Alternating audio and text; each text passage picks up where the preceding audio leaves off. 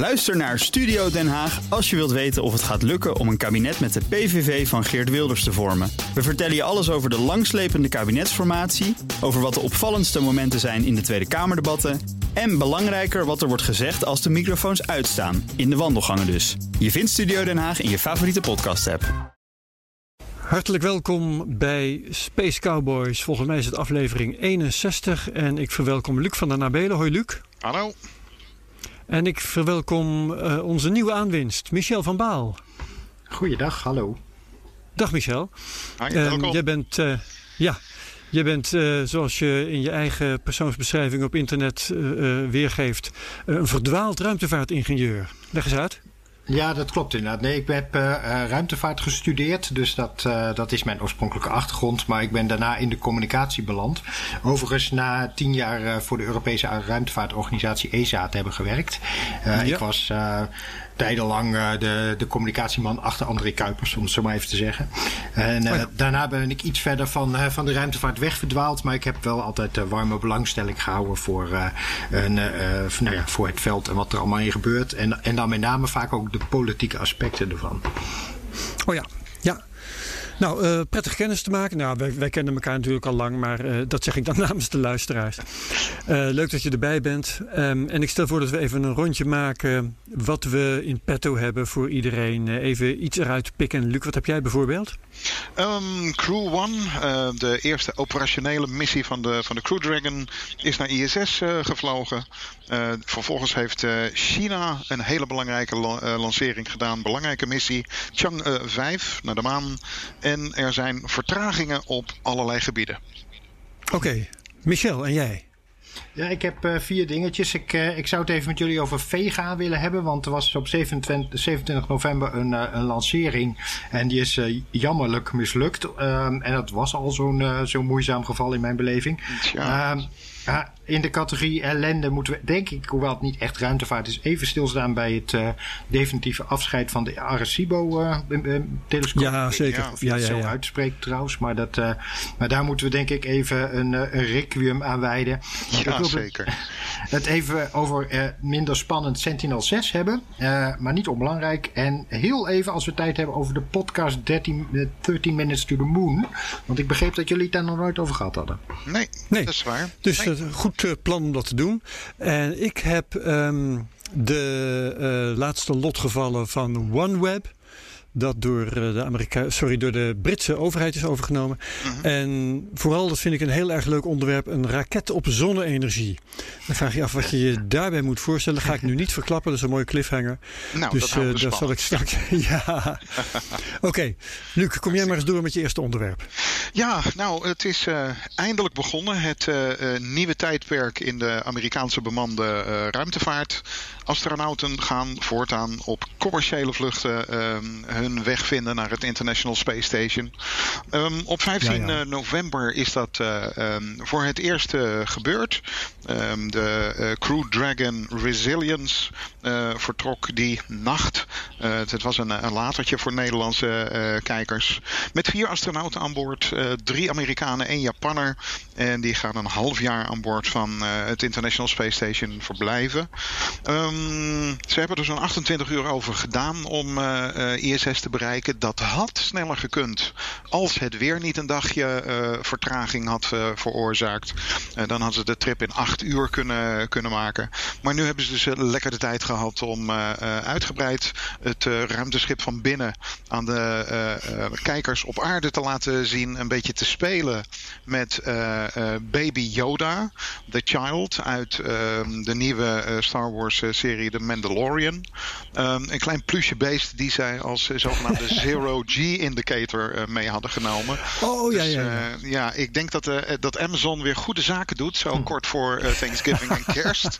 Want het, is, het, het, zijn altijd hele gewilde objecten, dat soort, dat soort speeltjes die in de ruimte meegaan. Worden er nog reclamecontracten voor afgesloten volgens jou? Want ik had ook begrepen dat, dat het ruimtestation vaker betrokken zou worden bij commerciële projecten. Zou dit daar een onderdeel nou, van ja, zijn? Of niet? Mis, mis, misschien wel.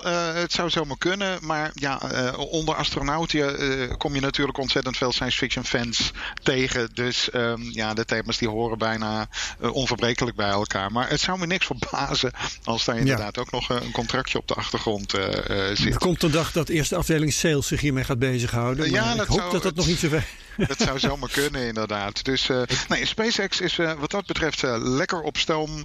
Um, eerste operationele missie. Daar wordt vanuit de hoek van NASA nog wel een beetje voorzichtig over gedaan. Ze hebben zoiets van ja, het, het blijft natuurlijk best een, een splinternieuw vaartuig. Wat um, zich echt nog moet, moet bewijzen.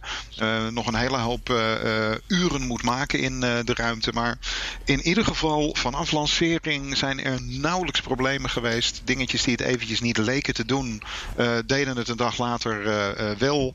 En de vlucht naar het ruimtestation, inclusief het, het koppelen en overstappen, zijn perfect verlopen.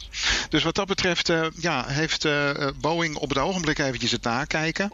Die hebben natuurlijk de ja, zeg maar concurrerende capsule Starliner in ontwikkeling. Die ehm, nou, zo ongeveer precies een jaar geleden een nogal onfortuinlijke eerste onbemande vlucht maakte. software raakte totaal in eh, eh, in de war. Standregelingsraketjes verbruikten enorm veel eh, brandstof. Waardoor het ding het ruimtestation niet heeft kunnen bereiken. Um, nou, een herhaling van die testvlucht um, zit misschien voor aanstaande maand, maar waarschijnlijker voor pas januari volgend jaar in de pijplijn. Okay. En een eerste bemande vlucht gaat dan pas volgende zomer uh, plaatsvinden. Dus Boeing loopt op het ogenblik um, ja, ruim anderhalf jaar achter op, uh, op SpaceX. En dat is uh, natuurlijk best een grote tegenvaller voor ze. Ja, oké. Okay. Dankjewel. Michel, jouw eerste onderwerp. Kom maar door.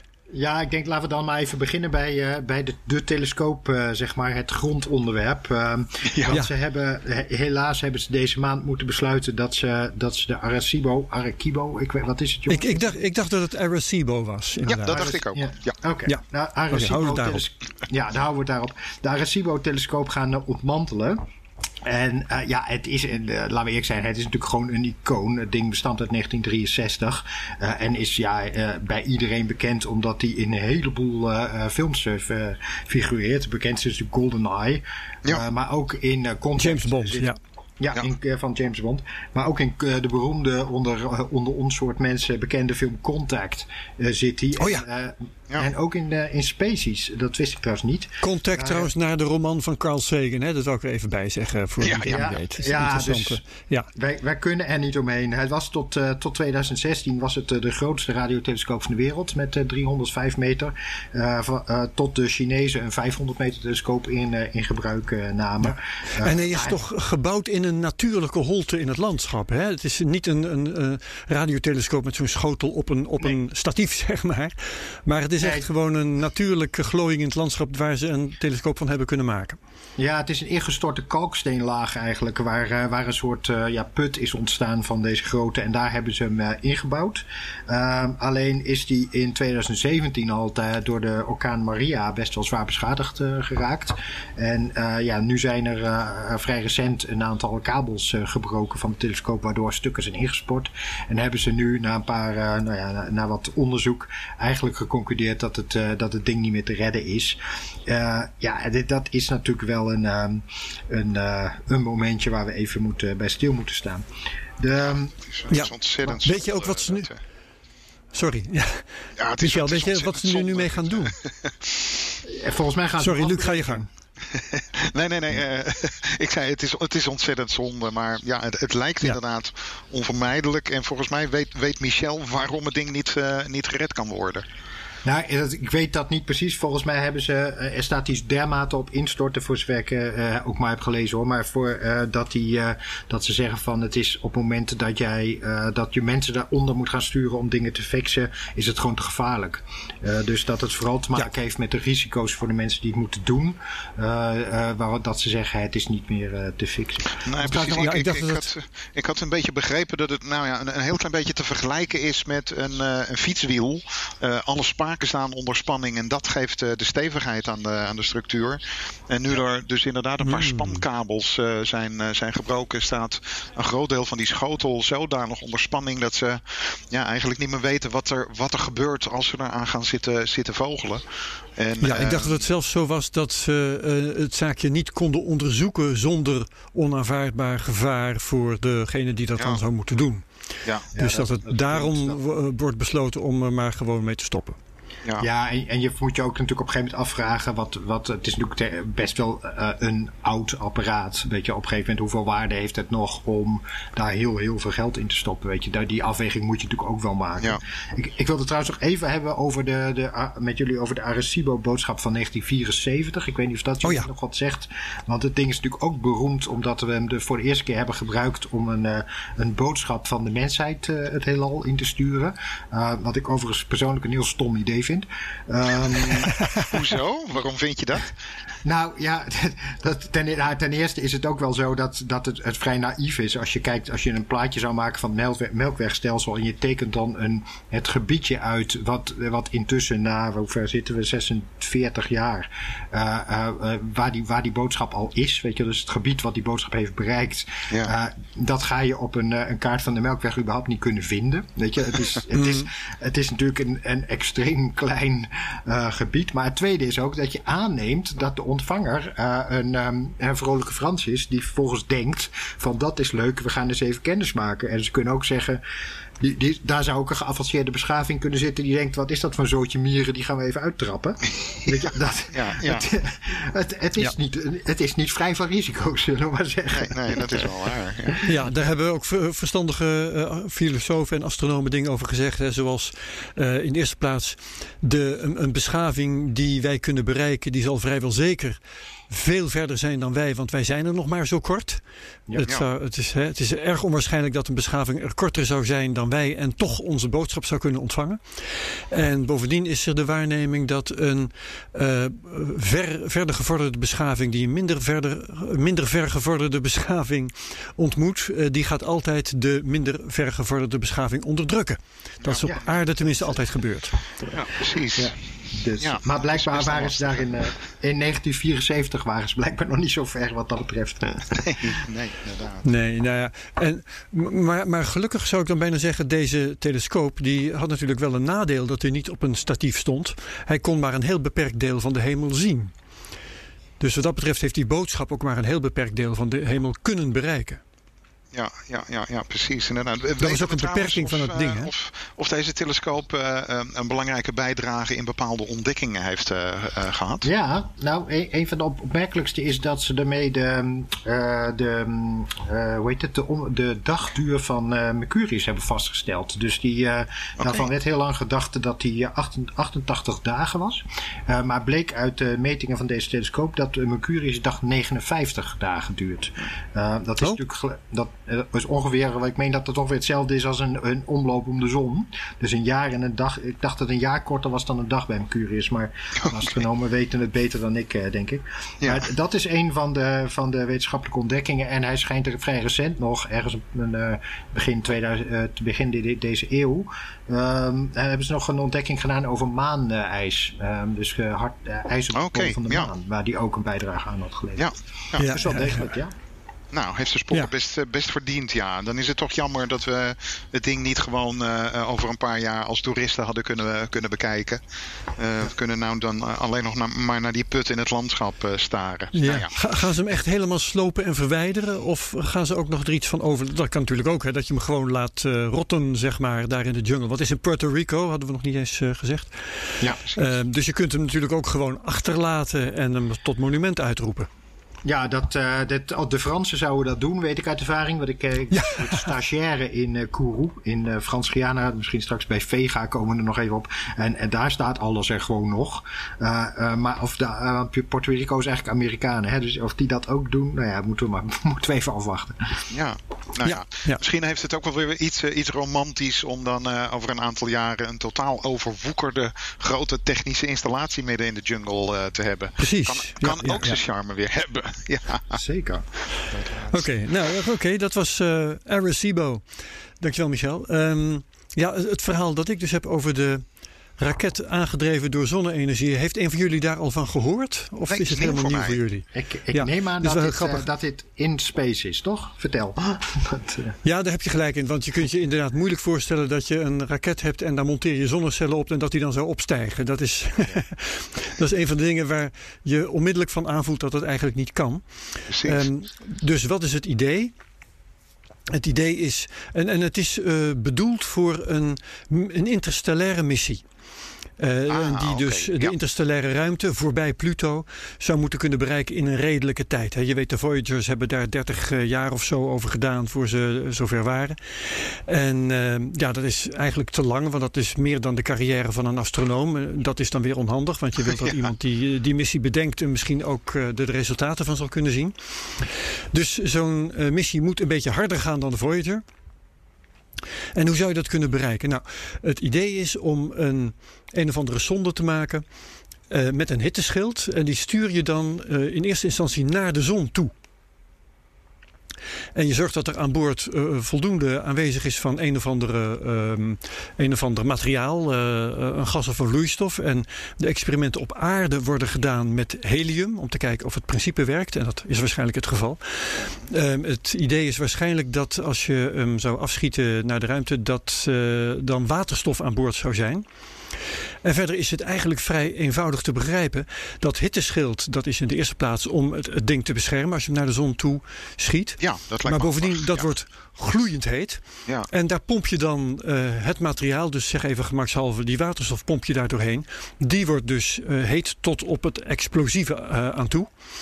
En dat laat je dus ergens naar buiten. En dan heb je een soort straalmotor. ja, precies. Nou, En eh, het enige wat je dan nog moet testen is: kan je de zaak voldoende versnellen? Nou, de, eh, meer dus dan bijvoorbeeld met raketmotoren of goedkoper dan met raketmotoren. Ja. Eh, kun je daar voldoende snelheid mee bereiken? En het, nou, de eerste aanwijzingen zijn dat dat het geval is. Het wordt gedaan bij de Johns Hopkins University. En daarvan dan het natuurkundig laboratorium of zo. Dat kan ik even niet zien. Maar het idee is om dan dat ding een snelheid te kunnen geven van ongeveer 300.000 kilometer per uur. Niet per seconde, want dat is lichtsnelheid, maar 300.000 daarna, kilometer ja. per uur. Eh, en ter vergelijking, de Voyager doet het met, ehm, ik geloof, eh 30.000, nee sorry, eh 30.000 mijl, dus 45.000 kilometer per uur. Dus ongeveer zes keer zo snel als de Voyager. Dat is een belangrijk voordeel inderdaad. Eh, aan de technische omschrijving eh, te horen heb ik wel zoiets van... ik denk dat het eh, goed is dat dit voor onbemande toestellen wordt, wordt eh, gebruikt. Want eh, nou ja, eh, eh, eh, eh, inderdaad eh, eh, waterstof tot eh, explosietemperaturen... daar zit nog wel een risico aan. Ja, zeker. Nou, zolang je daar eh, de zuurstof bij uit de buurt houdt, eh, moet dat Ja. redelijk goed kunnen. Ja, En ja, dat is in de ruimte natuurlijk een stuk makkelijker dan op aarde. precies. Eh, voor de rest, ja, je hebt natuurlijk ook eh, als je mensen erbij zou hebben, maar dat is inderdaad niet het plan. Eh, dan zou je zuurstof nodig hebben, maar dan heb je dat wel in separate tanks. Ja, Ik heb ja. nog een Ehm, ander bezwaar hoor, jongens. eh, want ik zie Ja. een beetje dat als, als baanmechanicus, dat is natuurlijk bij mijn achtergrond, het, het, het bereiken vanaf de aarde van een baan heel dicht bij de zon is best wel moeilijk. En vraagt om, eh, Ja. om een eh, behoorlijk grote eh, investering in Delta V, om het zo maar even te zeggen. Dus je gaat eerst heel veel moeite doen om iets bij de zon te krijgen. Uh, waarbij ik me nou wel afvraag, als je, die, als je nou al die moeite zou doen om meteen Delta V in dat ding te, te pompen, ben je dan niet efficiënt op bezig. Dus nou, ik, ik Om ben wel meteen een de goede kant op te schieten, bedoel je dus eigenlijk. ik ben wel een beetje sceptisch of dit een goed idee is. Maar het is wel een interessante gedachte. ja, Nou, ja. weet je, eh, ik, ik ben natuurkundige en ik weet dus dat als je iets naar de zon schiet en eh, hij maakt dan een rondje rond de zon en hij eh, vliegt weer weg, dan komt hij eh, er aan de andere kant vandaan met dezelfde snelheid. Dus je krijgt die snelheid altijd weer terug. Eh, Plus wat je onderweg erbij hebt gekregen. eh, ja, daar, daar heb je. De, je kunt inderdaad het sch- over, de, over het oppervlak van de zon schieten. Daar heb je inderdaad wel, wel gelijk in. Toch vraag ik me wel af of dat de efficiëntste manier is om het te doen. Maar oké, dat eh, Ja, nou ja. laten we zien. Ik kan je in ieder geval vertellen, ehm, de gedachten hierover zijn om dat ding eh, tot aan een miljoen mijl, ja die mijlen de hele tijd in dat stuk dat ik heb gelezen, anderhalf miljoen kilometer van de zon eh, te schieten. Dus dat is de dichtste nadering. En de, ter vergelijking de NASA Parker Solar Probe, die komt niet dichterbij dan 4, sorry, 6 miljoen kilometer. Ja, ja kijk, kijk dus even, het wordt inderdaad een zeer dichte nadering. Ja, ja even, even nog terug voor wat je net zei, want dat is een interessante gedachte. Kijk, het punt is wel, je hebt op de, in de banen om de aarde heb je natuurlijk al 30 km per seconde te pakken. Hè? Dat hebben we als. Ja. En wil je naar de zon, moet je eerst remmen. Weet je, dus je zult een deel van de, de snelheid die de aarde al heeft, als het ware eruit moeten halen, anders kom je nooit in de buurt van de zon. Dus je gaat eerst vreselijk veel afremmen. En, en oh, ik begrijp wat je bedoelt. Ja, ja, ja, ja. of dat nou een efficiënte manier is om het te doen. Maar nogmaals, het is een interessante gedachte. Ja, ja, ja. zeker. Ja, en de nou enige vraag is, inderdaad, kun je met deze technologie, uh, kun je dan voldoende snelheid winnen om wat jij nu net zegt, Michel, om dat weer te compenseren. En veel meer dan dat, zodat je die 450.000 km per uur gaat halen. Ja. Nou, ik ben uh, benieuwd naar de eerste experimenten. Dat zeker. Ja, ik, uh, ja. goed. Wel, um, Luc, jouw volgende ja, nou ja, wat, wat, wat, mij betreft eigenlijk een beetje het, uh, het hoofdonderwerp uh, voor mijn bijdrage. Ik ben hier heel enthousiast over. de Chinezen gaan maanstenen ophalen. Ehm, nou, dat is niet gigantisch nieuw. Ehm, mhm. Natuurlijk hebben de Apollo-astronauten al, al een paar honderd kilo maanstenen mee naar aarde gebracht. En de Russen hebben dat onbemand gedaan, al in de, in de jaren 70, voor het laatst in 1976. Um, Ehm, nu staat uh, China op het punt om, uh, om dat te proberen. Um, uh, 24 november, nee 23 november, correctie, um, is een Lange Mars 5 raket met de Chang'e 5 gelanceerd. het is de sterkste raket die de Chinezen op het ogenblik tot hun beschikking hebben. En gelukkig ging alles goed. Het was de vierde of vijfde vlucht van de raket. En er zijn wel wat problemen geweest in het, in het verleden. Dus een bevestiging dat ze eh, de techniek van eh, eh, de Lange Mars 5 raket helemaal onder controle hebben. Maar nu wordt het enorm spannend. De Chinezen hebben een hele bijzondere architectuur gekozen om de spulletjes uit het maanoppervlak naar aarde te krijgen. Er zitten heel veel stapjes tussen en vooral een hele hoop mechanische toestanden die natuurlijk, vooral als je het een eerste keer probeert, enorm veel risicopunten uh, met zich meebrengen waar het fout zou, uh, zou kunnen gaan. Um, nou, de, de, de, de, update van, uh, van vandaag, van 25 november, is dat er gisteren en vandaag kleine correcties zijn uitgevoerd aan, aan de baan van het ruimteschip. en is hij ook al onderweg naar de maan of is hij nog in de baan op de aarde? Nee, hij is al onderweg. Hij is al 300.000 kilometer okay. ver van, van de aarde. Dus hij heeft het grootste stuk er, er eigenlijk al, al, ja. al, op zitten. Ja. Um, op de 28 november moet hij dan gaan dalen naar een, een, uh, een, baan om de maan van 200 kilometer hoogte. En als alles goed gaat, zou hij dan op 30 november uh, moeten landen. Nou, dat betekent dus dat het ruimteschip sowieso al in twee onderdelen is um, uiteengehaald, zeg maar, op dat moment. Um, mm -hmm. En in totaal bestaat het eigenlijk uit vier losse onderdelen. Je hebt een, een motorblok waar de zonnepanelen aan zitten, koeling, navigatie en dat soort uh, toestanden. Daarop gemonteerd zit eigenlijk een schaalmodel van uh, de terugkeercapsule van het Soyuz ruimteschip. Heeft exact diezelfde uh, vorm. Um, dan is er daar bovenop een soort kegel uh, geplaatst waarop het landingsvaartuig zit. En dat bestaat ook weer uit twee delen. Het grootste blok met de motoren om de boel af te remmen. En daarbovenop een uh, klein robotje met een boorinstallatie en ook een grijparm. Want dat is de manier waarop ze het willen, willen gaan doen. Ze gaan uh, tot twee meter diepte de maanbodem in boren. En dan is er wow. een robotarm die het een en ander aan stenen gaat verzamelen. Nou, daar hebben ze dan twee dagen de tijd voor om dat allemaal uh, te doen. Uh, al die monsters moeten dan in een uh, container worden, worden gebracht. En vervolgens, als het goed gaat op 2 december, gaat dan het bovenste deel van dat landingsvaartuig weer de lucht in om het moederschip weer op te zoeken.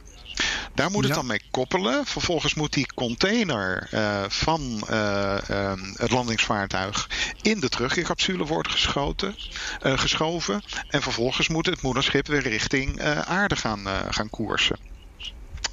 Nou, als dat allemaal is goed gegaan, uh, zou, zeggen, dat... zou op 16 december de capsule weer terug moeten zijn op, op aarde. Maar, nou ja, zoals gezegd. welke datum, dat miste ik even, welke datum, Luc? 16 december. Dan zouden we de, de, spullen op, op aarde moeten, moeten, hebben. Ja, ja zeker. Het is, het is snel. En nou ja, zoals gezegd, behoorlijk complex. Dit is, dit is nou, niet gering wat, wat de Chinezen proberen. Hier is geen single point of failure, maar multiple points of ja, failure. Dit, dit, je, nou ja, er is een. Uh, ik zal het inderdaad ook in de show notes zetten. Er is een, een, mooie animatie, een computeranimatie gemaakt. van oh, al die stappen en hoe die missie er, eruit ziet. Uh, ziet er prachtig uit, maar ik moet eerlijk zeggen dat ik er verschrikkelijk eh, nerveus van, uh, van word. Want als je ziet hoeveel stekkertjes er losgetrokken moeten worden, hoeveel armpjes er moeten worden gebruikt om dingen te ontkoppelen en vast te maken. Um, ja, wat dat betreft hadden de, de Russen het misschien wel heel simpel, maar ontzettend effectief aangepakt. daar was het ding wat op de maan landde, tegelijkertijd ook gewoon het ruimteschip wat terug naar aarde zou vliegen en de terugkeer capsule. Dus um, nou ja, als, als dit lukt, dan uh, is het echt wel een, een mega prestatie van, uh, van de Chinese ingenieurs. Het is, uh, het is niet gering wat ze aan het, aan het proberen zijn. Um, als dit allemaal goed gaat, dan uh, zal er zeker een tweede soort gelijke missie volgen. Want de Chinezen zijn wel zo slim geweest om gelijk maar twee van deze ruimtevaartuigen te bouwen. Als dit misgaat, kunnen ze de missie opnieuw proberen. gaat er alles goed, dan hebben ze een bonus. En kunnen ze bijvoorbeeld op de Zuidpool landen. Om te proberen om ah. daar eens een, een monster ja. op te halen. Dus, Heb je enig idee wat ze willen weten? Um, ik, ik ik denk dat het niet direct gaat om de wetenschappelijke opbrengst uh, uh, van het bekijken van die stenen. Uh, zoals gezegd, um, um, we hebben al. prestige. Ja, nou ja, niet zozeer prestige, alhoewel dat in de Chinese ruimtevaart wel degelijk uh, behoorlijk meespeelt. Maar zij, het, ik denk dat het hun vooral gaat om het beheersen van de techniek. Uh, ze willen hmm. zoveel mogelijk space engineering uh, tot, hun, um, tot hun kennis gaan, gaan maken. Want ja, ja. Um, ze hebben natuurlijk grote plannen. Um, uiteindelijk is het, is het doel om een Chinees op de maan te zetten. Onder met uh, bemensing, uh, zoals het tegenwoordig heet, uh, naartoe ja. te gaan. En um, ja, verder, Chinezen willen van alles gaan bouwen in, in de ruimte. In, in dat kader de eerstvolgende Lange Mars 5 lancering is ook alweer een, een hele belangrijke. Want die gaat dan het basisstuk van het Chinese ruimtestation Tiangong omhoog brengen. Uh, okay. ja, wat dat betreft, volgend jaar heel druk. Dat uh, Chinese station moet ja. in onderdelen worden opgebouwd. Uh, gaan onbemande vrachtvaartuigen naartoe. Uh, Chinese astronauten zullen er bezoeken aan gaan brengen. En um, ja, um, de verdere planning van hoe ze met de maan omgaan zal volgend jaar ook duidelijk worden. Dus enorm ja, ja, interessante en, en boeiende missie deze. Ja, en Michel, ik hoorde jou ook ademhalen. Ben je het ermee eens dat ze in feite aan het oefenen zijn met deze missie? Ja, ik denk het ook hoor. Want uh, zoals Luc terecht zegt, weet je, het, het gaat ze waarschijnlijk in mindere mate om de wetenschap. Maar dit is ook de technologie die je moet, die je moet beheersen als je iets daadwerkelijk bemand wil doen. Want ja, uh, ja. een paar stenen ophalen kun je inderdaad op de, op de Russische. Ik ben gewoon overigens groot fan van, van Russische ruimtevaart uh, voor de goede orde. maar um, op, op de keep it simple manier doen. Alleen ja, dat, dat is niet wat hier de ambitie is, denk ik. Ze willen uiteindelijk in staat zijn om al deze, met deze technologie ook die stap naar bemand te kunnen maken. En dat is natuurlijk wel zeker prestige. Wat ik er trouwens opvallend aan vond, uh, is dat ze de Chinezen nu blijkbaar toch ook beland zijn bij het punt dat ze uh, livestreams doen voor dit soort dingen. Uh, dat, ja, hè? Ja, ja, ja, ja. Zeker. Dat is, zeker. dat is wel bijzonder. Want in het verleden ja. waren ze, en India, hetzelfde gaat voor India trouwens. Dat zijn landen die heel uh, terughoudend zijn. Laten we eerst maar kijken of het lukt en dan doen we daarna de PR wel. Ja, en ze precies. hebben blijkbaar mm. toch de stap gemaakt van uh, uh, we doen het live. En dat is ja. ook wel bijzonder. Ja, ik heb het. ja, dat moet jij als communicatieman, Michel, ook interessant vinden. Ja, maar het heeft natuurlijk ook niet vrij veel risico's. Precies. Nee, precies. zeker. Nou ja, wat, dat, wat dat betreft uh, is het wel, wel opvallend uh, um, uh, dat ze een periode hebben gehad dat ze heel uitgebreid hun beman, vooral hun bemande vluchten um, in alle openheid deden. Um, af en toe uh, had ik het idee van, nou, we krijgen nu meer te zien dan bij vergelijkbare missies uh, van, uh, van NASA. Urenlang de voorbereiding van de astronauten, de bus inklimmen, de tocht naar het lanceerplatform, het aan boord gaan van het ruimteschip. Alles werd in beeld gebracht. Toen werd dat ineens afgekapt onder het mom van, ja, ruimtevaart moet gewoon routine worden en we, wilden, we willen niet dat elke astronaut direct een wordt.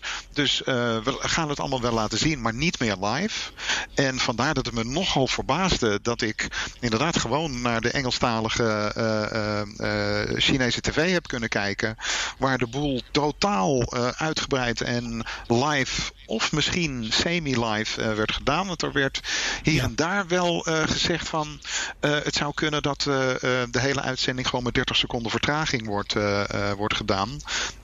dat heb je dan niet zo ontzettend door. Maar uh, dan, mocht er iets fout gaan, dan kan de regie altijd nog wegschakelen op het moment uh, uh, dat er een risico is dat je een exploderende raket in beeld krijgt. En dat is toch inderdaad iets wat China liever niet toont.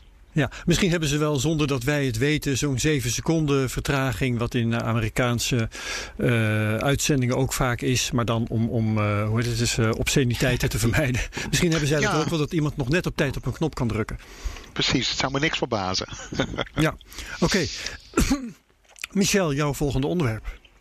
Ja, ik, eh, ik maak een bruggetje van. Uh, Luc had het net over uh, de complexiteit van die lander. Um, en de, de vele, vele snoertjes die daar uh, op de goede plek vast moeten.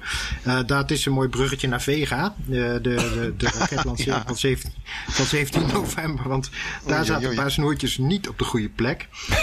um, En dat, uh, ja, dat, dat is natuurlijk. Nou, e-, eerst even terug naar, naar wat, er, wat er aan de hand is. Uh, Vega. En de Vega is een Italiaanse raket, hè?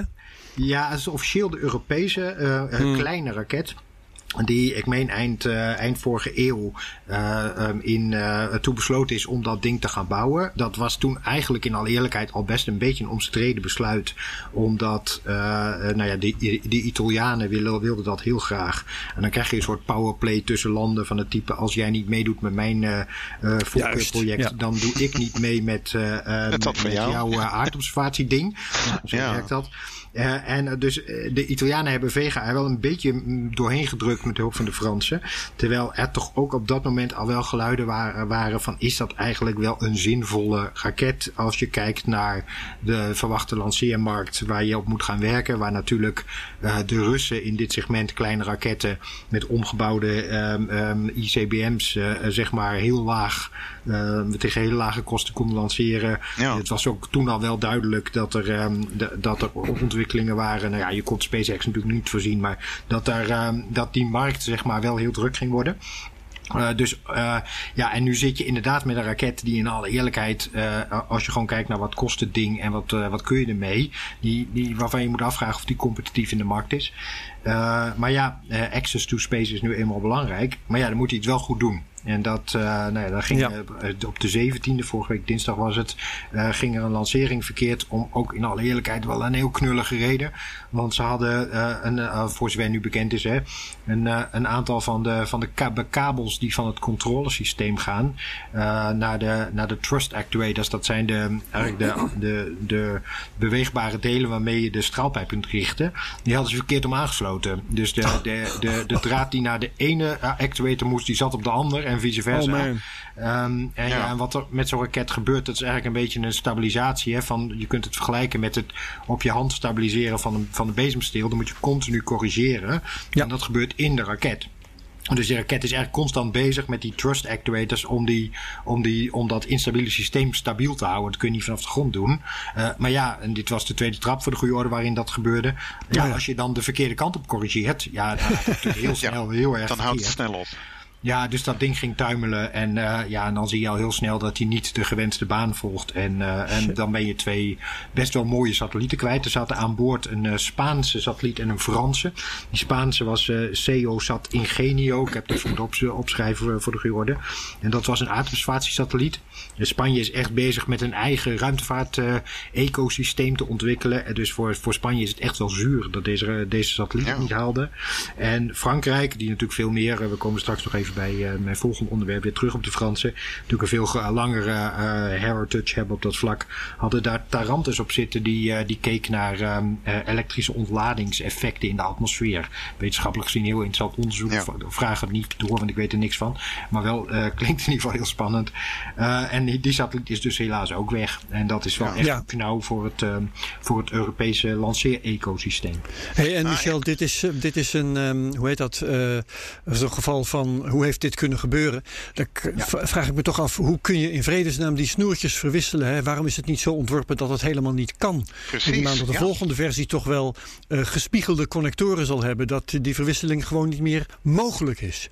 Ja, beat, beats me. Kijk, uh, dit, dit soort dingen gebeuren natuurlijk wel. Uh, uh, mogen niet gebeuren voor de gewone. En laten we eerlijk zijn, gezien de complexiteit van dit soort dingen, gebeurt het ook best wel weinig. Weet je wel, dat dit soort fouten. Um, maar je hebt normaal gesproken een heel systeem van, van quality control. Weet je wel, niet zozeer ja. dat. Het is niet dat iemand ze verkeerd aansluit. Maar het zal normaal gesproken, lijkt mij, ook gewoon door iemand gecontroleerd moeten zijn. Ja. dus in, normaal gaat het. Um, moet je dit soort dingen dingen als fouten als gemaakt worden, moet je, je moet ervan uitgaan dat ze vaak gemaakt kunnen worden. Kun je nooit uitsluiten. Maar hoe ondervang je dat? Ja, ja, ja. Uh, het is ergens ook wel weer op een speciale manier pijnlijk overigens. Want um, het is, uh, heeft niet direct met elkaar te maken. Maar jullie herinneren misschien nog de allereerste lancering van Ariane 5. Ja, um, zeker. Uh, ja. Die ontplofte met de vier. Er zat toch een lab ergens in de, in de brandstofsysteem? Nee, dat was nou, een eerdere. Oh, dat is een andere. Oké, sorry. Dit was, verder, uh, dit was helaas, een, een, helaas een redelijk vergelijkbaar, systeem, uh, vergelijkbaar probleem. Uh, omdat ze daar ook het, het ging, dat ging ook over dat automatische stuursysteem wat die raket recht op koers houdt. En dat hadden ze um, als het ware gekopieerd van de vorige generatie Ariane 4 raket. Alleen hadden ze er geen rekening mee gehouden dat die, um, dat die versnellingen in de bewegingen van Ariane 5 die hoger waren dan Ariane 4. En wat daar gebeurde is dat die um, dat die raket zo snel draaide dat het uh, de gyroscoopsysteem zei: ja, die kan niet, die kan niet kloppen. Ik ben stuk. En vervolgens de macht overgaf aan het backup systeem. Die meette hetzelfde, dezelfde hoekversnelling, zeg maar. En die zei ook: oh, dat kan niet, ik ben ook stuk. En vervolgens uh, zei allebei die systemen: zoeken, zoek het maar uit. Ja. en, en, dan en toen was alles stuk. Ja, ja dus het is, het is wel een. Het heeft, ja, nogmaals, ze zijn niet echt gerelateerd, maar ik moest er toen ik het verhaal hoorde wel aan denken. Ja, ja. Oh, ja.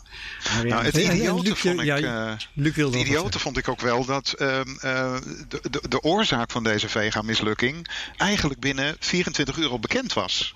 Ja. Um, dus het, het, het lag echt helemaal voor het opscheppen. Uh, nou, als je dat dan combineert met uh, ja. het feit dat dit de tweede mislukking van een Vega in drie lanceringen is. Uh, vraag ik me toch wel af, ja, wat, wat betekent dat voor de toekomst van, uh, van deze ja. raket? Je zegt eigenlijk, ja. Luc, het was fijner geweest als ze er heel lang naar hadden moeten zoeken.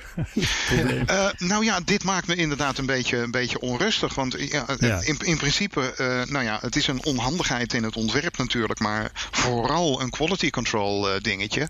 Ja, ik heb de indruk van, nou, op pagina 3 kwamen ze dus al achter wat er fout is gegaan. Waarom Waarom dit, uh, uh, werd dat zo snel duidelijk? Waarom heeft niemand dat eerder kunnen zien?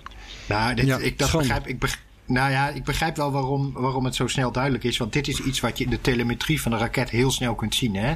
Dus ja. hij, hij moet een, nou ja. correctie naar links doen. En ik, ik, maak het even platter dan het waarschijnlijk is. Maar ja, hij moet een correctie naar, naar, naar links doen. En hij doet overcorrigeert eigenlijk de verkeerde kant op naar rechts. Vervolgens moet hij een twee keer zo grote correctie naar rechts doen. En doet vervolgens hetzelfde naar links. Ja, dan weet je meteen wat er aan de hand is. Ja, ja, ja. Dus dat is wel uh, natuurlijk. Ja. Oké. Okay. Um, zal ik mezelf de beurt geven of wil je, een van jullie hier nog iets over kwijt?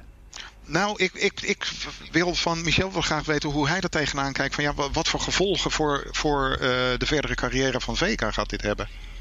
Ja, ik, ja ik, ik, zie, ik zit daar wel een beetje somber in. Maar uh, omdat, um, uh, hoe heet het, zoals gezegd, de, de raket in mijn beleving ook best wel duur nog steeds is. Hij was bedoeld om lanceren goedkoper te maken. Uh, en eigenlijk ook te, de, de kleine klussen te kunnen doen die net te licht zijn voor Soyuz in Kourou. ja. dat, dat vrees ik, was al een lastige als je kijkt naar de huidige lanceermarkt. Ja, en dit is natuurlijk voor de, voor de reputatie van een raket uh, natuurlijk ook geen goed nieuws. Weet je wel, dus ja, als je dan moet gaan kiezen welke raket pak je en hoe ga je het doen, ja, dan uh, kan ik me toch voorstellen dat een heleboel commerciële partijen zich eens achter de oren krabben. En dat is wel zuur, omdat van Ariane Spas, uh, het, het lanceerbedrijf wat, wat, wat in Euro voor Europa lanceert, zeg maar, nou juist met, met name met Ariane 4 en 5 bekend stond, bekend stond onder enorme betrouwbaarheid. Ja, ja, precies. Nou ja, in die tijd had Ariane pas 50% van uh, de commerciële lanceermarkt in handen. Ja, ja dat is nogal veranderd. En um, het, het, lastige is nu dat, oké, Vega uh, wil niet zo. Maar ze hadden al aangekondigd dat ze eigenlijk af wilden van vliegen met, uh, met de Soyuz. ik kan me voorstellen dat, dat er misschien wordt nagedacht om, om terug te komen op dat besluit. Want dit wordt best een beetje ingewikkeld voor ze. Ja, ja, ik, ik, moet, ik ken eerlijk gezegd, uh, misschien voor een andere keer eens een keer leuk, maar ik ken precies op dit moment de status met Soyuz in, uh, in Kourou niet. Dat was natuurlijk altijd al een heel uh, ja. moeilijke, politiek gezien heel moeilijke. Ja. ook voor de Russen heel interessant, maar dat wordt een heel lang verhaal, dus misschien moeten we dat even een keertje, ja. ander keertje andere keer. Ja, dat lijkt okay. interessant. Goed, nou ja, dan begin ik over OneWeb.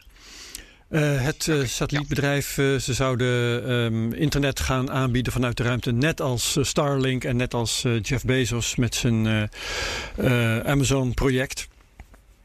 En dat uh, ging failliet. Is vervolgens uh, gered door de Engelse overheid.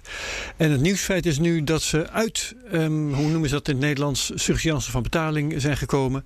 Dankzij de investering van um, ongeveer een miljard, geloof ik, van de Engelse overheid. Samen met uh, Barty Global van, een, ik geloof, een Indiaanse ondernemer. Mittal heet hij. Ja, Indiaanse ondernemer. Um, en ze gaan uh, alsnog proberen dat internet aan te bieden met op dit moment um, 68 satellieten uh, ongeveer. Uh, moeten er 600 zoveel worden. En ze hebben nog een aanvraag liggen om er nog eens zoveel en 40.000 bij te gooien. Ach, wow. Ja, dat is een feest. En het voornemen, daar hebben we het ook in Space Cowboys eerder over gehad, om er uh, ook nog eens voor een deel een plaatsbepalingssysteem van te maken. Hè? Ik weet ja, niet of wij hier allemaal van gezegd Ja, ja, ja. Um, en we hebben wel uh, tegen elkaar gezegd uh, dat plaatsbepalingssysteem, het kan nooit. Um, uh, hoe heet het, Galileo of GPS gaan vervangen. Ja. Maar het kan wel een soort backup uh, daarvoor leveren. Dat ja, dan misschien precies. net nog voor het bedrijfsleven interessant kan zijn. Uh, niet voor particulieren om hun, hun navigatie te doen. Maar het is allemaal een beetje shaky of ze daar nou werkelijk wat, wat mee kunnen gaan bereiken. Ik heb zelf moeite om daarin te geloven. Heeft een van jullie daar iets over te zeggen? Ja, ik, ik deel die moeite hoor. Want sowieso een, een, een navigatiesysteem vraagt eigenlijk maar één ding. En dat is een loei van een, van een atoomklok. Uh, en dat is heel erg duur. Ja. Dus als je je satelliet niet hebt gebouwd om een loei van een atoomklok in te, in te zetten, hoe je dan precies als je er heel, misschien dat je als je er heel veel hebt en je, je hebt hele slimme software, dat je daar toch een vorm van plaatsbepalingsdata uit kunt vissen. Maar het, het is natuurlijk wel, het, het voelt een beetje kunstmatig. En ik, ik heb sowieso heel veel twijfels hoor bij die, uh, het businessmodel rondom uh, uh, internet via de ruimte. Weet je, dat, ja. um, en een sterke associatie met de, het Motorola disaster van Iridium.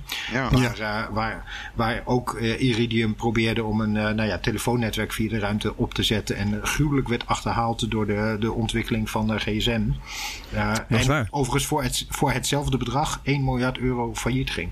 Dus hmm. dat... Uh, ah zo, ja. nou ja, goed. We volgen hier uh, Elon Musk uh, met uh, zijn Starlink hier natuurlijk heel intensief. Um, en, en ja, als er eentje gaat slagen, dan is, dan is dat het natuurlijk. Want OneWeb ligt daar mijlen ver op achter. echt gewoon een factor, even snel rekenen, 20 of zo liggen ze achter op het aantal satellieten dat ze boven hebben.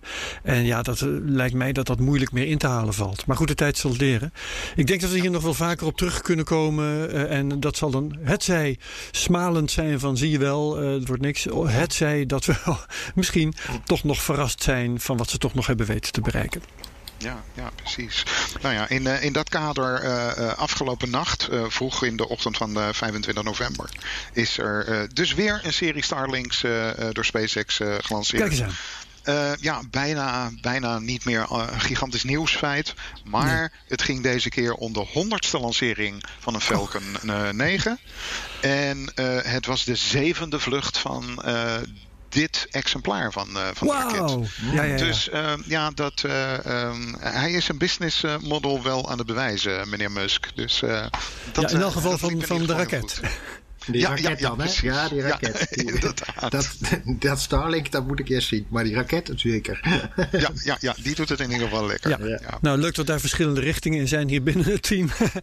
Dan hebben we nog, ook nog iets om ruzie over te maken. Dat is altijd aardig. Precies. ook verfrissend. Ja. Was dit ook jouw volgende onderwerp, Luc, of heb je er nog meer? Uh, ik, heb er, ik heb er nog meer. Uh, ik heb een, een, een serie vertragingen.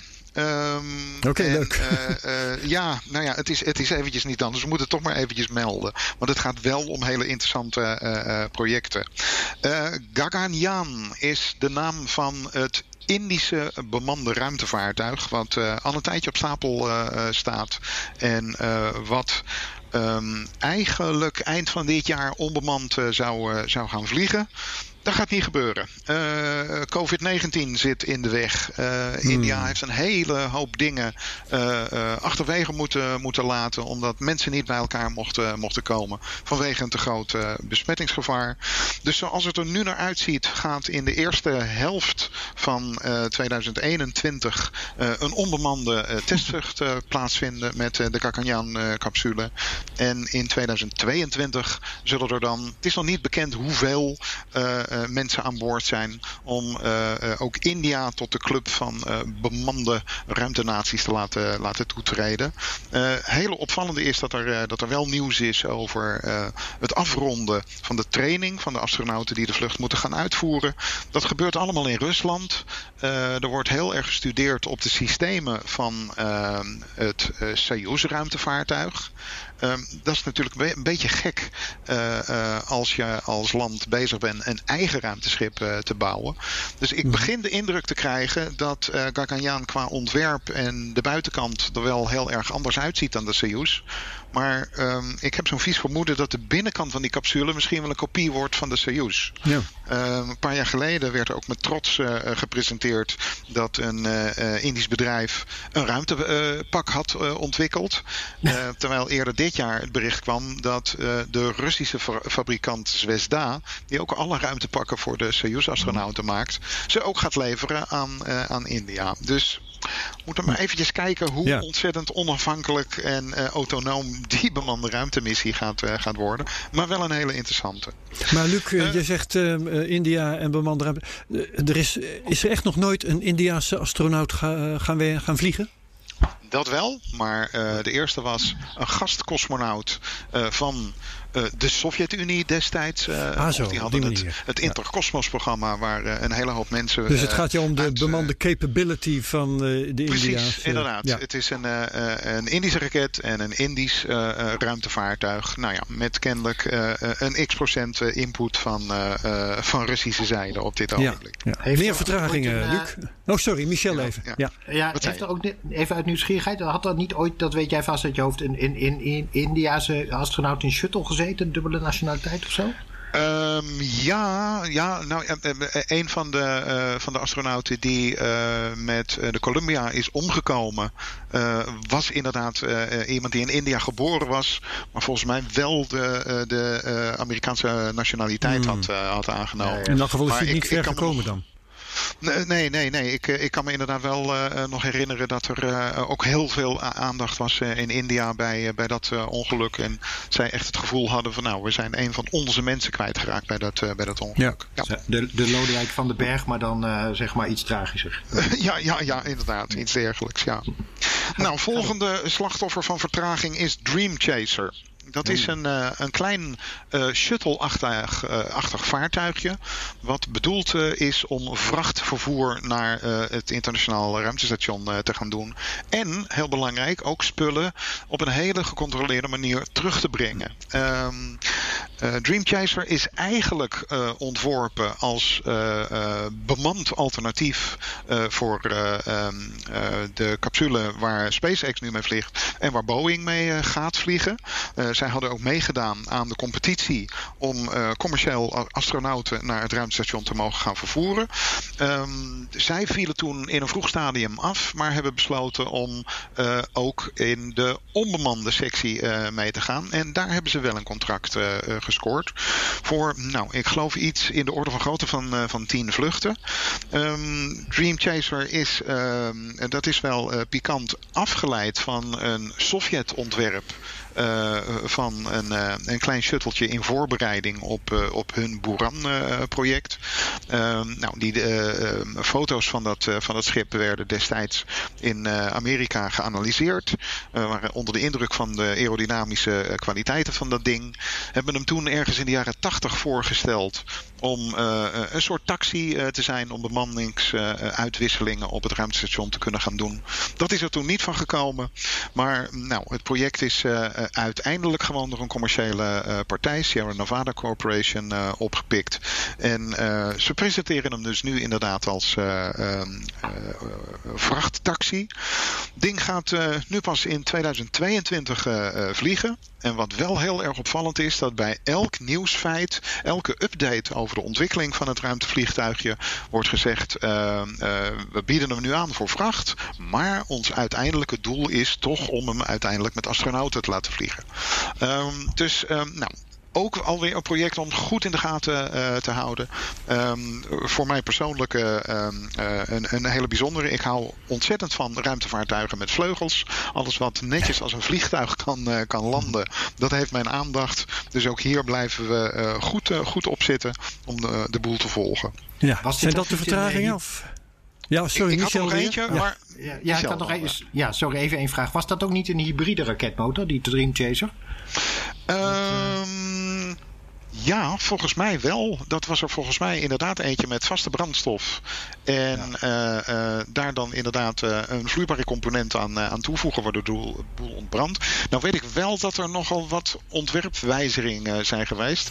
Dus okay. ik weet het niet helemaal, helemaal zeker. Dat, dat zou namelijk op zichzelf is, is ook een interessant om in de gaten te houden. Want er, er is op een gegeven moment zo'n opleving geweest hè, van, uh, van hybrides.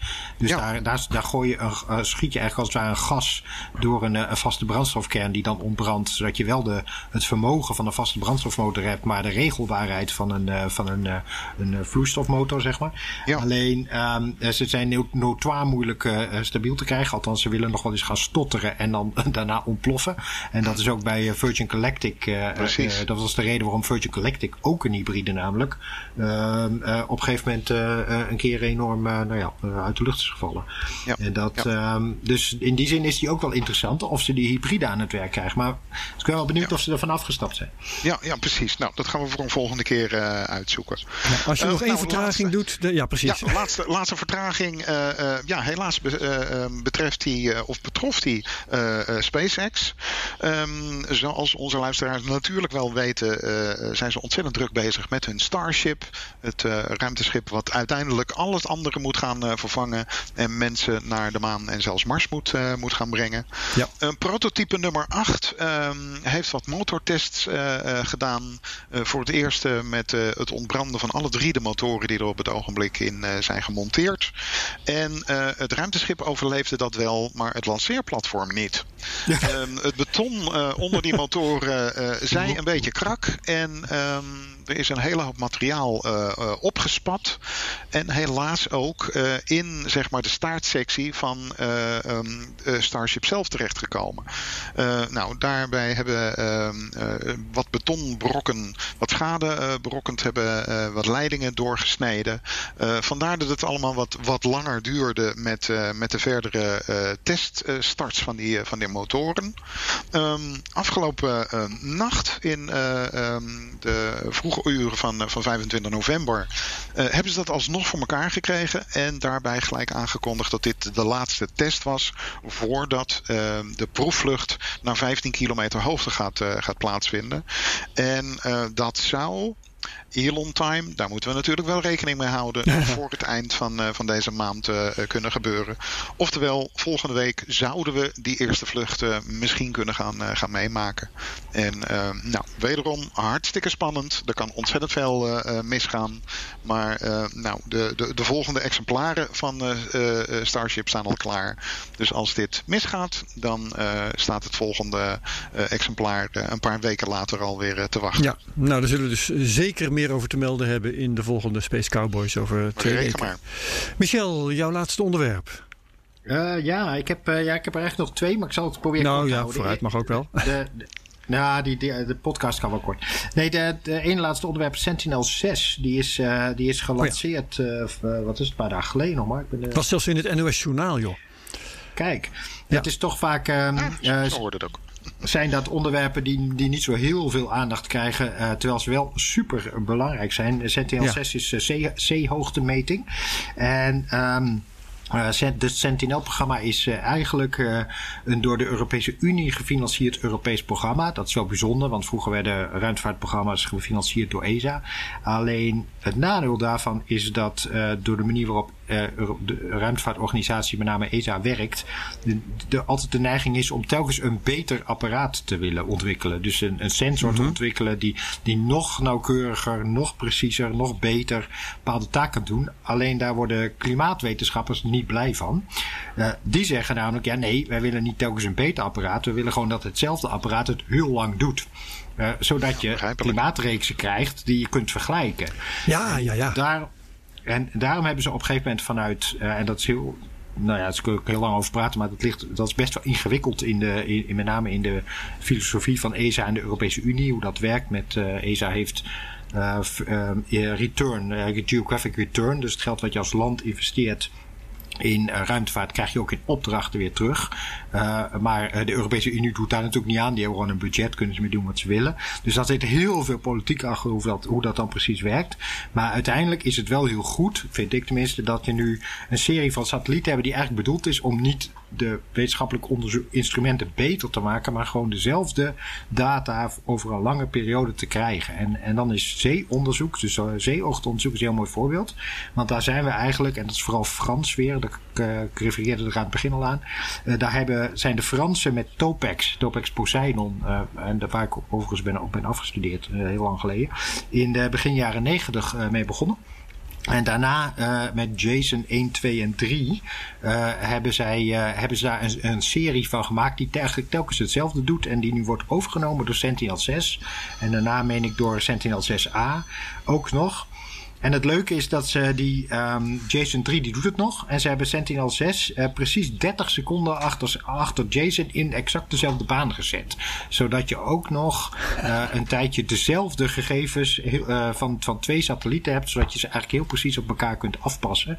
Om maar te zorgen dat die wetenschappers een, een, um, een constante datareeks hebben. Nou, ja, dat is ja, ja. niet zo heel sexy, maar het is wel heel belangrijk.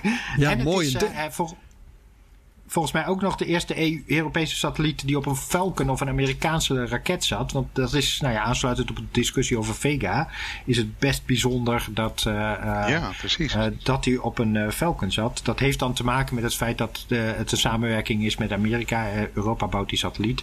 Maar er zitten een aantal Amerikaanse instrumenten in. Dus daarmee is in de, in de deals die dan worden gemaakt blijkbaar afgesproken dat Amerika voor de lancering zou zorgen. En dus zat hij op Ja. Falcon 9. En dat is best bijzonder. Ja, en die 30 seconden wou ik zeggen, dat is dan dat- dat is wel een paar kilometer, hè? Misschien zelfs tientallen kilome- kilo- Dat is kilometers. Dat, nee, dat is honderden kilometers. ja, want het gaat met Keer- 10 keer- kilometer per seconde of daaromtrent. Dus dan praat Ja, je over acht- inderdaad over. ja, acht. Dus het is eh 240 kilometer ongeveer. Ja, ja, ja, ja, dat die satellieten. Dat is toch een respectabele afstand voor twee van die kleine dozen. Ja, zeker. Oké, Ja. dankjewel. Luc, had jij nog wat?